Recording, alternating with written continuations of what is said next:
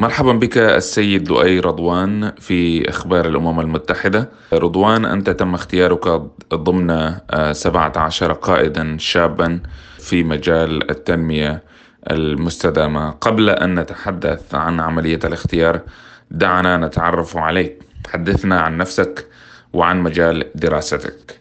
أهلا وسهلا بحضرتك أنا لؤي رضوان 21 سنة من مصر أنا بدرس هندسة بيئية في جامعة زويل أنا ناشط بيئي بشتغل على مشاريع بتوفر حلول للمشاكل البيئية اللي موجودة في مصر وبساعد الشباب التانيين إن هم يبدأوا مشاريعهم الخضراء اللي بتساعد على حل المش... المشاكل البيئية.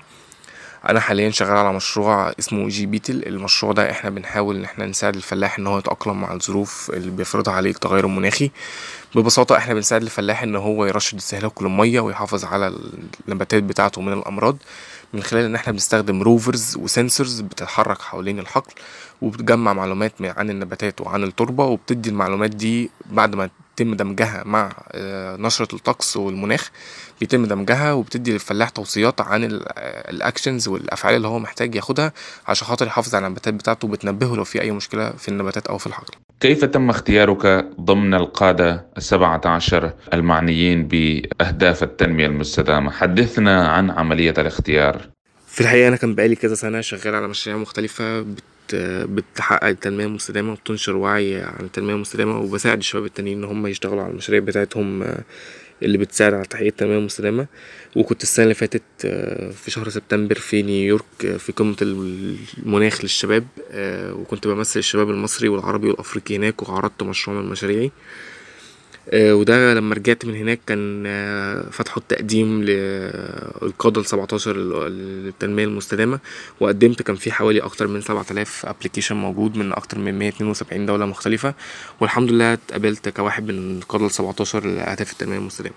طيب ما الذي يتوقعه العالم منك؟ يعني الآن أنت وقد تم اختيارك ضمن القادة السبعة عشر المعنيين بمسألة التنمية المستدامة. ما هي واجباتك لبلدك والمنطقة العربية التي أنت تمثلها يعني؟ ما المتوقع منك؟ هو طبعا اختياري كواحد من القادة السبعتاشر لأهداف التنمية المستدامة دي فرصة حلوة جدا. هتساعدني إن أنا آخد الشغل بتاعي للمرحلة اللي بعدها وإن أنا أتوسع بالشغل بتاعي وأوصل لناس أكتر وأوعيهم وأفهمهم وأعلمهم عن التنمية المستدامة وأساعد الشباب التانيين إن هم يتعلموا ويشتغلوا على التنمية المستدامة ويبدأوا مشاريعهم الخاصة. وطبعا ده هيحصل بدعم من الأمم المتحدة اللي هتساعدني إن أنا أوصل الرسالة بتاعتي وإن أنا أوصل للناس أكتر وأساعدهم إن هم يبدأوا يلتزموا بالعادات الصديقة للبيئة ويحافظوا على البيئة بتاعتهم. على ذكر مسألة الوعي هل الشباب في مصر الشباب في سنك في مصر هل هم على إدراك بمسألة أهمية أهداف التنمية المستدامة؟ هو طبعا التنمية المستدامة دي قضية مهمة جدا وابتدينا نلاقي نسبة كبيرة جدا من الشباب في الفترة الأخيرة دي بيهتم بالقضية دي وبيتعلم عنها أكتر. وبقى في منظمات كتيرة من مصر ومن برا مصر بتشتغل على مشاريع بتحقق الأهداف دي. وفي حملات توعية كتيرة جدا انتشرت في الفترة الأخيرة بتعلم الشباب عن التنمية المستدامة وأهداف التنمية المستدامة والأجندة الأمم المتحدة لعشرين تلاتين. فاحنا في الفترة الأخيرة دي بنلاقي إن في وعي ابتدى كتير جدا ينتشر وبقى في حضانات أعمال كتيرة جدا بيطلبوا إن الشباب يجوا بمشاريعهم الخضراء اللي بتساعد على تحقيق التنمية المستدامة. فهو الوضع بيتحسن جدا يعني خصوصا في الأجيال اللي هي قدي وأجيال الشباب اللي في سني. لو تحدثنا عن واقع المنطقة العربية فيما يتعلق بتنفيذ أهداف التنمية المستدامة هل تعتقد أن المنطقة العربية تسير في الاتجاه الصحيح فيما يتعلق بتنفيذ أهداف التنمية المستدامة؟ هو طبعا في الفترة الأخيرة دي بنلاقي في دول كتيرة جدا من الدول العربية ابتدت تهتم بأهداف التنمية المستدامة ومجال التنمية المستدامة بشكل عام بنلاقي دول مثلا زي مصر والإمارات ودول في الخليج مهتموا بالطاقة المتجددة واهتموا إن هم ينشئوا مدن خضراء صديقة للبيئة وده يعني حاجة من الحاجات المؤشرات اللي بتقول لنا يعني إحنا ماشيين في الاتجاه الصحيح وإن إحنا في خلال السنين الجاية بإذن الله هنكون وصلنا وقطعنا مسافة كبيرة في اتجاه ناحية التنمية المستدامة. كما هو معروف السيد رضوان أثرت جائحة فيروس كورونا على مسألة التنقل يعني. أنتم يعني كفريق كيف ستتمكنون من مواصلة عملكم؟ وما هي الخطوات المقبلة التي ستتخذونها؟ من حيث الاجتماعات من حيث الأنشطة المختلفة التي سيجريها الفريق. حدثنا عن أنشطة الفريق. هو طبعا فيروس كورونا فرض عليا أنا والقطة ظروف صعبة جدا أثرت علينا وعلى شغلنا بس إحنا بنحاول نتأقلم مع الظروف دي وإن إحنا نستمر في عملنا ونكمل مسيرتنا.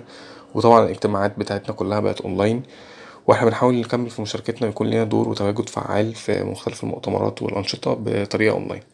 على ذكر مسألة التأقلم آه، السيد لؤي حدثنا عن هذه الآليات آليات التأقلم التي تمكن الشباب الصغار من مواصلة الحياة وبالذات مسألة التعليم. هناك الكثيرون الذين يعني لم يتمكنوا من الذهاب إلى المدارس بسبب انتشار جائحة كورونا.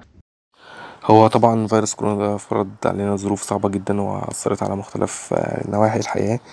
وكانت واحدة من أهم آلات التأقلم اللي اتبعت يعني من المدارس أو التعليم أو الاجتماعات بقت معظمها أونلاين فدي حاجة كانت بتساعد يعني على الناس على إن هما يلتزموا بالحظر ويلتزموا بالتباعد الاجتماعي إن هما يقعدوا في البيت ويستمروا في مسيرة التعليم أو في أو ياخدوا الكورسات بتاعتهم أو الاجتماعات بتاعتهم تبقى كلها أونلاين فدي كانت واحدة يعني من أهم الآليات اللي اتبعت اللي ساعدت الناس على إن هما يتأقلموا مع ظروف الحظر والظروف اللي فيروس كورونا فرضها علينا.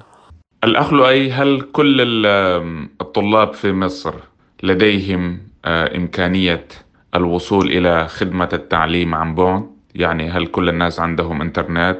آه، عندهم آه، أجهزة تمكنهم من التعلم عن بعد؟ الحقيقة أنا معنديش علم بالنسبة قد إيه بالظبط بس إحنا بنلاقي في الفترة الأخيرة دي في مبادرة من وزير التعليم إن هو يدي لكل طالب مدرسة التابلت بتاعه يبقى عليه المواد الدراسية بتاعته وطبعا الحاجات اللي هي مبتقدرش تكمل أونلاين مثلا زي المعامل مثلا والحاجات العملية فهي الحاجات دي تم تأجيلها للترم التاني لما الظروف تتحسن ودلوقتي إحنا بننزل مثلا المعامل بتاعتنا ملتزمين بالإجراءات الوقائية كلها وبأعداد قليلة بحيث إن إحنا نكمل في المسيرة التعليمية بتاعتنا ونتأقلم مع ظروف فيروس كورونا. طيب يعني ما هي التحديات التي تواجه الشباب في مصر؟ التحديات ال- ال- الملحة التي ترى أنها يعني تواجه الشباب حاليا في مصر؟ هو طبعا الشباب في مصر بيواجه تحديات مختلفة منها فرص العمل ظروف المعيشة الصعبة.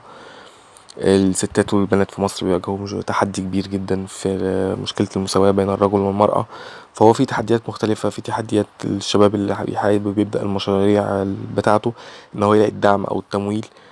طبعا في منظمات في الفترة الأخيرة بتشتغل إن هو تدعم الشباب إن هم يبدأوا مشاريعهم بس لسه في نسبة كبيرة من الشباب مش بيلاقوا الدعم ده ومش بيلاقوا التمويل ده فهو في تحديات مختلفة بتواجه الشباب وده إحنا بنحاول إن إحنا نساعد أكبر عدد من الشباب إن هم يحققوا مشاريعهم ويشتغلوا على التنمية المستدامة. ما هي رسالتك إلى السلطات في مصر يعني فيما يتعلق بتمكين هؤلاء الشباب وإتاحة الفرصة لهم ليتمكنوا من تحقيق أهدافهم؟ هو طبعا إحنا كقادة لأهداف التنمية المستدامة هنحاول إن إحنا نساعد الشباب التانيين إن هما يتعلموا ويشتغلوا على تحقيق التنمية المستدامة وإن إحنا نحسن المجتمع بتاعنا بس طبعا ده هيحصل بشكل أحسن وبصورة أكبر لما نلاقي الدعم من الحكومة والمؤسسات المختلفة ونتحد كلنا مع جميع فئات المجتمع إن إحنا نوصل للتنمية المستدامة فعلا ونحافظ على كوكب الأرض ونحافظ على البيئة بتاعتنا.